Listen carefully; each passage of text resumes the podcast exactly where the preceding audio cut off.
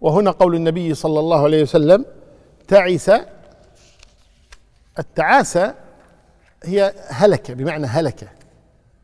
تعس بمعنى هلك.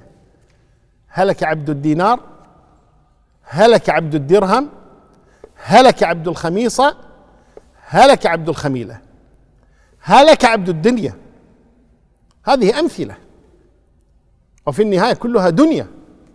فالخميصة والخميلة والدينار والدرهم والخير وال وال وال وال والزواج أي أي شيء.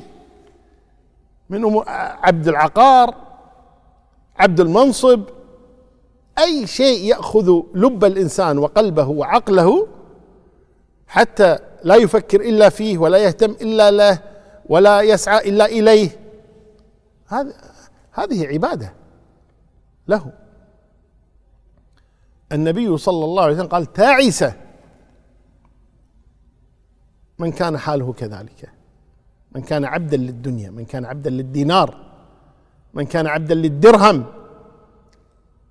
يذل نفسه لأجل هذا الدينار. يذل نفسه لأجل هذا الدرهم. والدرهم والفضة والدينار والذهب.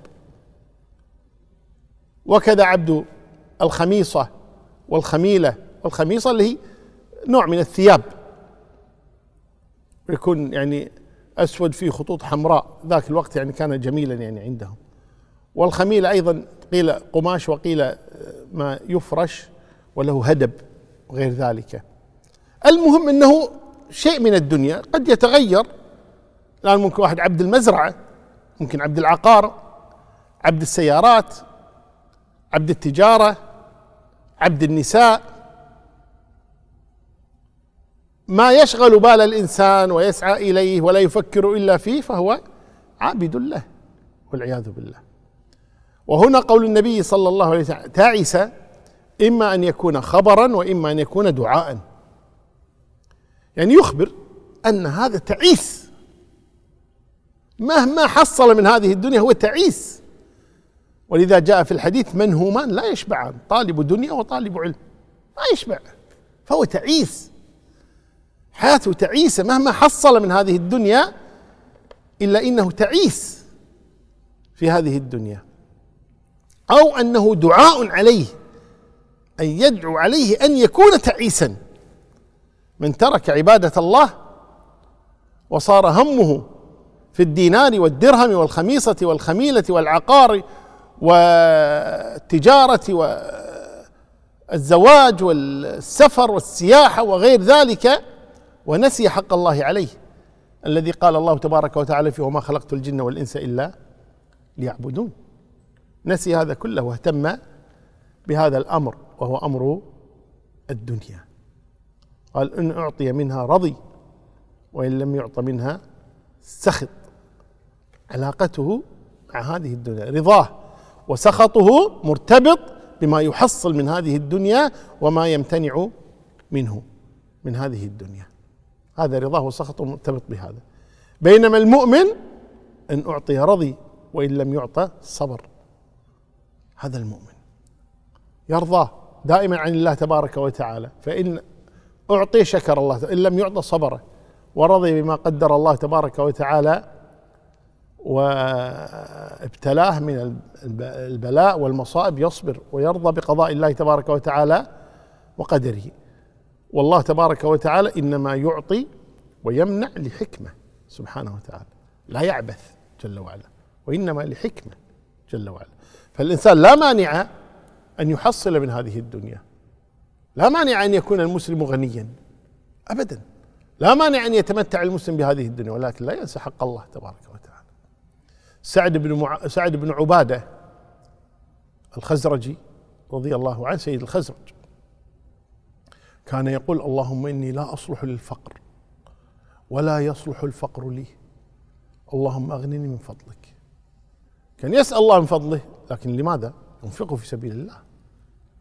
يقول لا أصلح الفقر ولا يصلح الفقر لي. اللهم أغنني من فضلك. حتى ذكر آه، إن كانت ذاكرتي قوية آه، في سير إعلام النبلاء. ذكر عنه الحافظ بن حجر أو في البداية والنهاية وأظن آه، عفوا الذهبي أو في البداية والنهاية لابن كثير. وأظنها في السير أنه آه، منذ هاجر النبي صلى الله عليه وسلم إلى المدينة إلى أن توفاه الله تبارك وتعالى. يعني عشر سنوات النبي قضاها في المدينة ما مر يوم إلا سعد بن عبادة يهدي للنبي هدية. يعني أهدى له كم؟ 3650 هدية. زين؟ إما طعام إما لبن إما شاة إما ثياب إما كل يوم. لابد أن يهدي لبيت النبي صلى الله عليه وسلم هدية. فالقصد أنه لا مانع أن يكون المسلم غنيا لكن لا تدخل الدنيا إلى القلب. وما أحسن كلام الحسن البصري رحمه الله تبارك وتعالى قال الزهد أن تكون الدنيا في يدك لا في قلبك. ولو كنت غنيا لكن اهم شيء لا تدخل إلى القلب. هذه الدنيا. تكون في اليد. إن جاءت فهي في اليد. إن ذهبت فهي من اليد. القلب سليم. قلب لله سبحانه وتعالى. وكان بعض السلف أئمة في الزهد وأغنياء. كسفيان الثوري رحمه الله تعالى كان غنيا.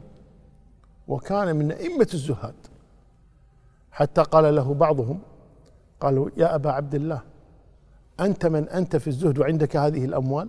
يعني مو راكبة. بالهم زاهد هو الفقير. لا غير صحيح. أبدا. إنسان زاهد وهو غني. فقال حتى لا يتمندل بنا الملوك. يعني أستغني بهذا المال عن الملوك حتى لا يستخدموني منديلا يعني لاني اضطر إلى أن أطلب منهم أو كذا. فهذا المال حتى أحفظ ماء وجهي به. فالقصد أن النبي صلى الله عليه وسلم قال إن أعطي رضي وإن لم يعطى سخط. أي هذا الذي هو يعمل للدنيا همه الدنيا قلبه متعلق بالدنيا رضاه وسخطه مرتبط بتحصيله من الدنيا. حصل رضي ما حصل سخط. وهكذا والعياذ بالله. قال تعس وانتكس. دعاء. من النبي صلى الله عليه وسلم أو خبر كما قلنا. وإذا شيك فلن تقش. انتكس يعني انقلب. انقلب على وجهه. وإذا شيك يعني إذا أصابته شوكة.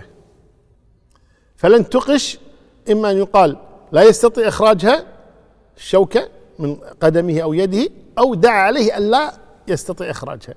قلنا أن يحتمل أن النبي صلى الله عليه وسلم يخبر عنه ويحتمل أن النبي صلى الله عليه وسلم يدعو عليه صلوات ربي وسلامه عليه.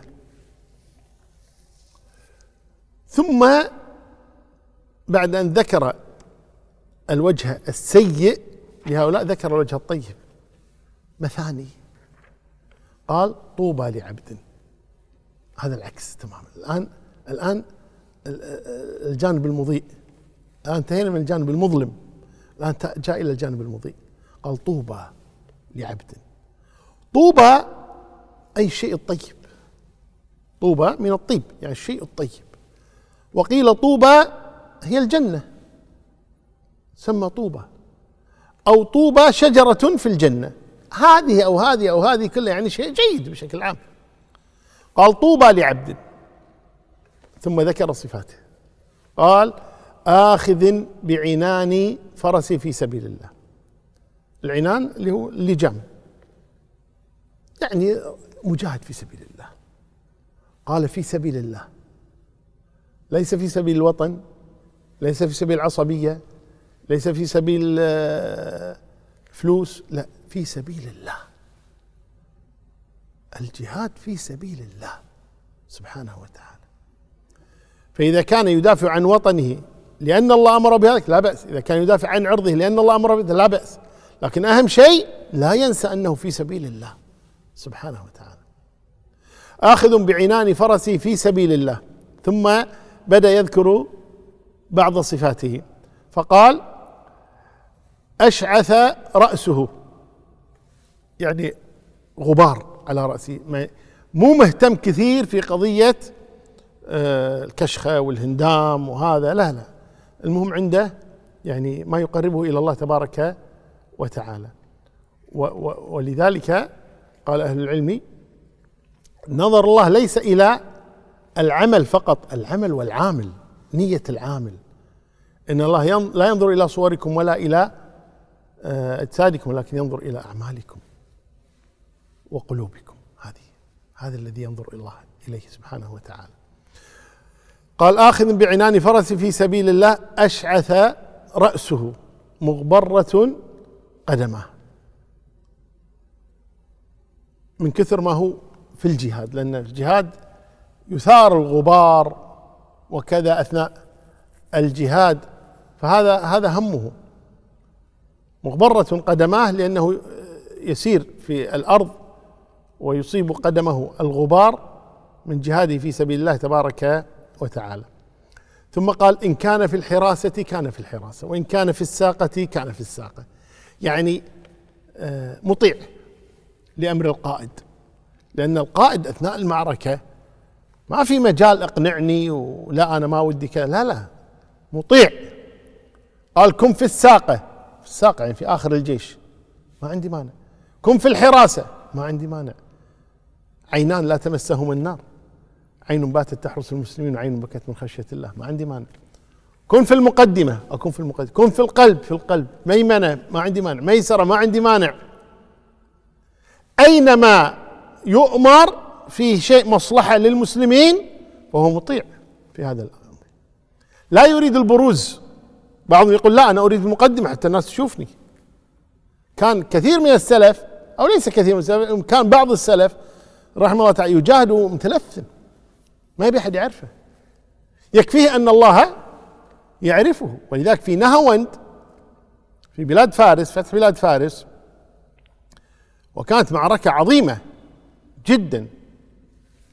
فلما رجع المسلمون إلى عمر رضي الله عنه فصار يسألهم عن الوقعة وما حدث فيها وكذا.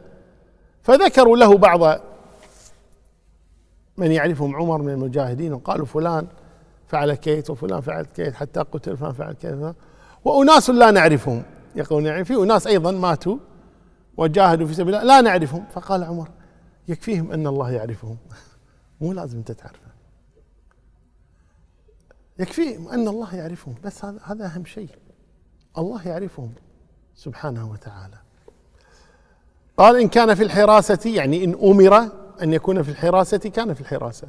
وإن كان في الساقة أي أمر أن يكون في الساقة أي في مؤخرة الجيش كان في الساقة. ثم ماذا قال؟ قال إن استأذن لم يؤذن له وإن شفع لم يشفع. ليش؟ لأنه خامل الذكر بين الناس. ما يريد الوجاهة وكذا ما يعرفون الناس. إن الله يحب العبد التقي النقي الخفي. هذا خفي. في أيامه العادي لو راح يشفع من أنت عشان تشفع؟ لأن الشفاعة أيضا فيها وجاهة. الناس ما تقبل شفاعة أي أحد. إذا استأذن على الأمراء ولا على هذا ما يؤذن له لأنه غير معروف. لكن هذا لا يهم. لأن هذا الذي إن شفع لا يشفع وإن استأذن لا يؤذن قال النبي صلى الله عليه وسلم طوبى له. مو مهم كيف تكون عند الناس. المهم كيف تكون عند الله تبارك وتعالى. هذا هو المهم. وهذا الذي أثنى عليه النبي صلى الله عليه وسلم وقال طوبى له. وإن كان إن شفع لا يشفع وإن كان إذا آه، استأذن لم يؤذن له لأنه غير معروف بين الناس. ما الذي يكفيه؟ أن يكون معروفا عند الله عند علام الغيوب عند الذي يعلم السرائر. سبحانه وتعالى.